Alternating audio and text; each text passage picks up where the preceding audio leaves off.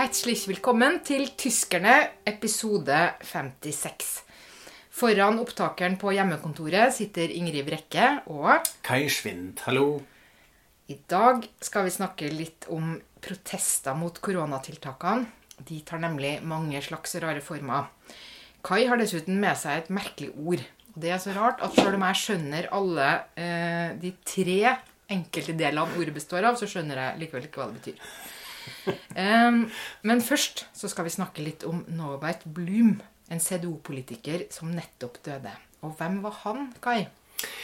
Ja, Norbert Blum eh, er vel kanskje mest kjent eh, for å være arbeids- og sosialminister eh, under Helmut Kohl, altså i Kohl-regjeringer, altså flertall. Han er kanskje den eneste som var med hele Kohl-perioden fra 1982 til 1998. Eh, også i samme verv, da, kanskje. Eh, han bytter jo aldri, så vidt jeg vet. Så han er veldig kjent for dette, og kanskje enda mer kjent eh, for et ja, litt sånn uheldig utsagn om tyske pensjoner, nemlig 'Die Rente ist sicher', eller som han sa det i dialekten hans 'Die Rente ist sicher'. Eh, som ikke viste seg helt til å være sant. Eh, litt som på samme linje at det ikke var blühende landschaften som Helmut Kohl lovde etter sammenslåingen. Eh, ja, men han kanskje på en annen side representerer et litt mer sånn sosialliberalt ansikt til CDU på 80- og 90-tallet, som egentlig var ja, mye mer konservativ enn det er i dag. Altså egentlig litt en sånn tilnærming som Merkel har i dag, før Merkel. En sånn ja, humanitær konservatisme, kan man kanskje si. Det å være ja, opptatt av en kanskje litt annen type rettferdighetssans enn mange av de partikollegaene hans. Ja, jeg leste jo nettopp om en sånn uh, sak som ble trukket fram nå fordi han var død, som jeg ikke kjente så godt fra før. Nemlig uh, at han dro til Chile da det fortsatt var Pinochet som var diktator. diktator. Og uh, der skulle han besøke en sånn tysk bosetning. Men han hadde også da et møte med Pinochet og, frem, og sa åpent og ærlig hvor kritisk han var. At uh, han syntes det var forferdelig hvordan Pinochet holdt på, og hva han gjorde med sine politiske motstandere. Og sånn. Og da reagerte Pinochet med å si her har du en liste på mine jeg tror det var 16 ofre, altså de neste politiske fangene som står for tur. Eh, hvis du klarer å få Tyskland til å gi dem asyl, så, jeg, eh, så blir de jo redda. Og han trodde jo da at han visste at Tyskland ikke kom til å ville ta imot dem. Og han hadde nesten rett, for det som skjedde var at da Norbert Blüm kom tilbake og skulle legge fram denne saken i forbundsdagen, så fikk han ikke taletid av sitt eget parti. Men De Grønne sa da at eh, du kan få tid fra oss. Så holdt han et flammende innlegg, og forbundsdagen støtta han. Og så kom disse til eh, Tyskland, da. Og han har også fortalt, eh, leste jeg i et intervju, at han, at han en gang seinere møtte en av disse som kasta seg rundt halsen på han og sånn, ved en tilfeldighet da, på et supermarked. Så det er en veldig eh, flott historie, da. Ja, så det var også Blum. En veldig fin historie. Og så representerer han kanskje en litt sånn annen gammel klasse av tysk etterkrigspolitikere som ikke fins lenger. Altså på samme linje som Kohl og Heiner Geisler og kanskje Hans Dietrich Genscher og sånn. Eh, En sånn De alte garde vesttyske politikere. Denne Bonn- Bonnerepublikk sånn i et nøtteskall. Um, som også var litt sånn før den Anden-pakten, altså denne gjengen som begynte å ta over. Eh, som nå ikke fins lenger, og det er derfor også jeg tror mange har reagert på eh, hans bortgang nå. At jeg leste mange sånn kondolanser, og det er egentlig på tvers av det politiske spektrum at det er stor respekt for han. Um, også kanskje fordi han var en støttespiller av Merkel eh, hele veien. da Kanskje sist synlig under flyktningkrisen i 2015, da, hvor han også besøkte flyktningleirer i Hellas. Og ble også ganske kjent for et sånn utsagn igjen hvor han sa altså hvis vi, et så stort land med over 80 millioner innbyggere, ikke klarer å ta imot 1 million flyktninger, da kan vi bare legge ned hele greia her.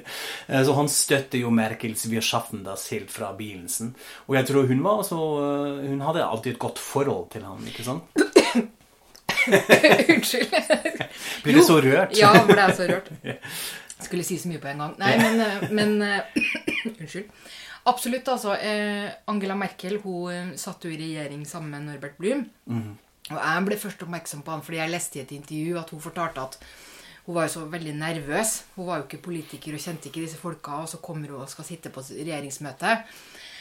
Og så for å liksom trøste seg selv, da, eller gutse opp seg selv, så sa hun inni seg da, til seg sjøl at Men jeg kan jo integralregning. Hvor vanskelig kan det nå være å snakke med Norbert Blum? Eh, og så klarte hun tydeligvis dette, da. Ja. Og han ble jo en, en sterk støttespiller for henne i, i alle år fremover. Og da han døde nå, så takka hun jo også veldig for at uh, han har influert hennes uh, politikk uh, sterkt. Mm. Da skal vi gå over til neste tema. Eh, For det skorter nok litt på tålmodigheten til både den ene og den andre under koronakrisen. Men demonstrasjoner det har vi jo ikke sett så langt eh, i Norge. I Tyskland er det annerledes. I helga så var det protester på den polsk-tyske grensa. Den er nemlig fortsatt stengt, eh, sånn at man må sitte i karantene i, to uker. hvis man bor i det ene landet og jobber i det andre. Mm, ja. Dette har gjort det fryktelig vanskelig for pendlere. Så egentlig disse protestene var vel mest retta mot den polske sida, fordi Tyskland har eh, greie regler for dette, men Polen ikke. da. Så det var én type eh, protest. Mm. Så var det jo også eh, noe i Stuttgart hvor det samlet seg en fersk organisasjon som kaller seg for Kvedenken. Det kan man kanskje oversette som 'tenk på tvers', eller sånn 'tenk annerledes'. Eh, Det var litt sånn slagord. altså Det var over 400 som eh, samlet seg da, og jeg tror de har hatt tre demonstrasjoner så langt. Eh, Og gruppen vil bl.a. ha nyvalg til høsten, og mener altså at koronatiltakene tar fra dem grunnleggende rettigheter. Og det er vel også kanskje det som disse demonstrasjonene i Berlin gikk eh, utover. Ja, for der har det jo vært de største demonstrasjonene. og de har foregått foran Folksbune, altså teatret. Og denne helga så var det 1000 stykker og over 100 som ble arrestert. Og det er en veldig sånn pussig forsamling. Den første gangen demonstrasjonene ble holdt, så, så virka det litt som om det kanskje hadde oppstått i teatermiljøet selv. Og det var både folk fra både venstre og høyre, og sånn esoterikere og antivakserfolk og veldig mye rart, og konspirasjonsteoretikere og sånn. Mens denne lørdagen så, så det mer ut som om de med venstretilknytning var eh, borte. Og at eh, ytre høyre hadde mer tatt over. Og da hadde også Folksbyen hengt opp noen sånne banner hvor det sto at 'vi er ikke deres kulisse'. Altså de tok på en måte avstand eh, fra det, da. Det er jo også kanskje en sånn lignende dynamikk eh, sammenlignet med hvordan Pegida oppsto i sin tid, altså som jo kom ut av disse mandagsdemonstrasjonene, som også samlet sånn helt ulike folk, og også tydelige folk fra venstresiden, som da etterpå tok avstand fordi dette tippa veldig tydelig mot eh, en sånn høyrepopulistisk side som jo til slutt endte opp med AFD. um, så, men jeg syns også det var veldig merkelig. altså det, det, Denne sammensetning av folk der som var litt sånn Det virker nesten som et slags kunstprosjekt i begynnelsen. Altså Jeg tenkte litt sånn ah, dette er en aksjon fra et Sentrum for politisk skjønnhet, ja, som vi har også snakket om i podkasten her. De som lager sånne stunts.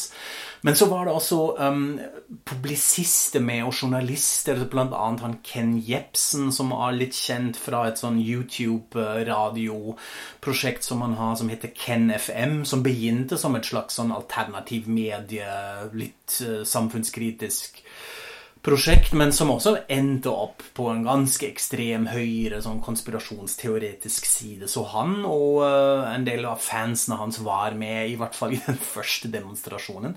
Så en veldig sånn bisarr miks.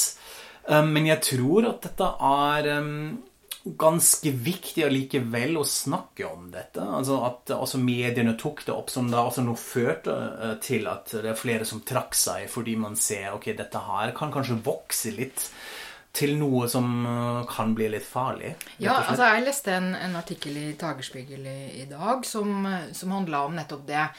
At eh, eh, det ligner kanskje, eh, som du var inne på, med hva som skjedde under flyktningkrisen. Og det ligner også på den måten at folk som ikke tidligere har vært tilknytta noen grupper og sånn, de sitter nå og koker ikke sant, og er opprørte, fortvila, redde. De skjønner, man skjønner ikke hva som skjer. Eller man skjønner kanskje hva som skjer nå, men man skjønner ikke hvor lenge det skal vare. Hva Konsekvensene er veldig, virker veldig store.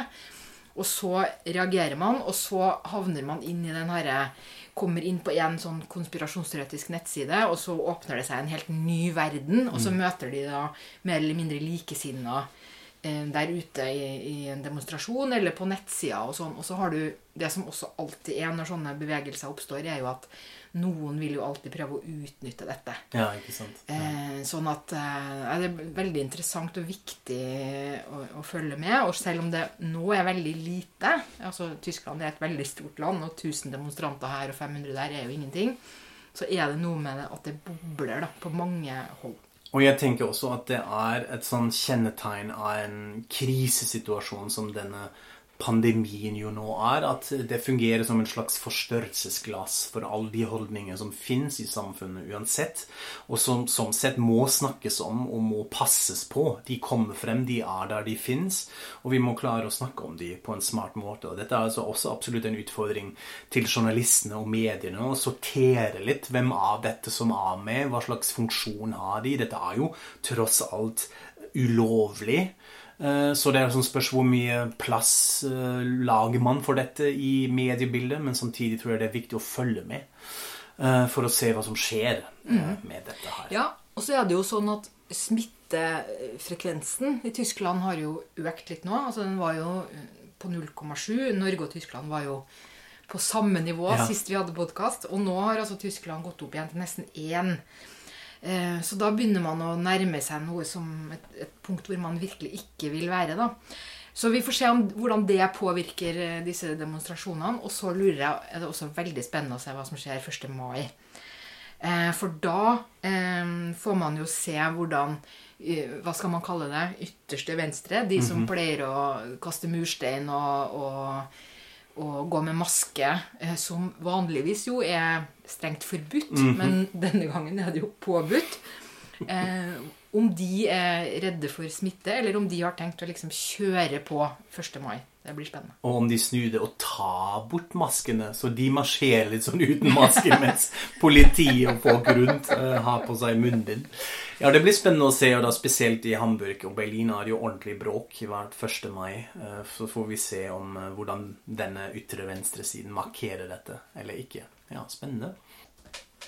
Men apropos eh, teatermiljø. En kjent regissør har jo nå profilert seg også som en sånn motstander av disse tiltakene, da, Kai. Nemlig Frank Kastorf som bl.a. har sagt at han vil ikke at fru Merkel skal fortelle hvordan han skal vaske sine hender. Nei, hva, er det, hva er det her for noe? Det ville han ikke. Ja, ja. Han sa det i et Spiegel-intervju. Uh, han gikk jo også litt mer eh, inn på det. så han forklarte litt sånn hans, hans skepsis. Altså, han sier jo bl.a. ok, jeg, jeg stoler rett og slett ikke på politikken, at de håndterer dette ordentlig, fordi de baserer alle tiltak på fakta som vi egentlig ikke kan være helt sikre på at de har denne konsekvensen som politikken påstår osv., så, videre, så det er lov å være skeptisk, og spesielt i en kunst- og teaterdiskurs så må vi tenke alternativ osv. osv. Det er litt sånn ja, ja, takk Frank Kastorf, du om det. Eh, han representerer jo også en sånn utrolig selvhøytidelig klasse av kunstnere i Tyskland. Altså dette tyske regiteateret som vi har snakket om før. Altså han, jo, han ledet jo Schaubühne i, i, mange, mange år. Eh, med masse sånn kontroversielle produksjoner og eh, veldig full av seg selv også i offentligheten. Jeg tror at man på en måte kan fint tåle dette. Eh, at han kommer med sånne ting. Jeg må alltid tenker på mine, en av mine favorittforfattere, Max Golt, en satiriker som vi også har snakket om her før, som skrev en veldig fin sak en gang om da uh, Stockhausen, altså han kjente musiker, hadde kalt uh, 11. september for et gigantisk kunstverk. Eh, og så blir det opprør, og folk blir sure, og konsertene blir kansellert. Og da sa Max Gold ja, ja, man må ikke være så sjokkert hvis et hjerne av kategorier det litt andre hjernet sier noe som de fleste kunstnere Og jeg må alltid tenke på das etwas andre gehirn.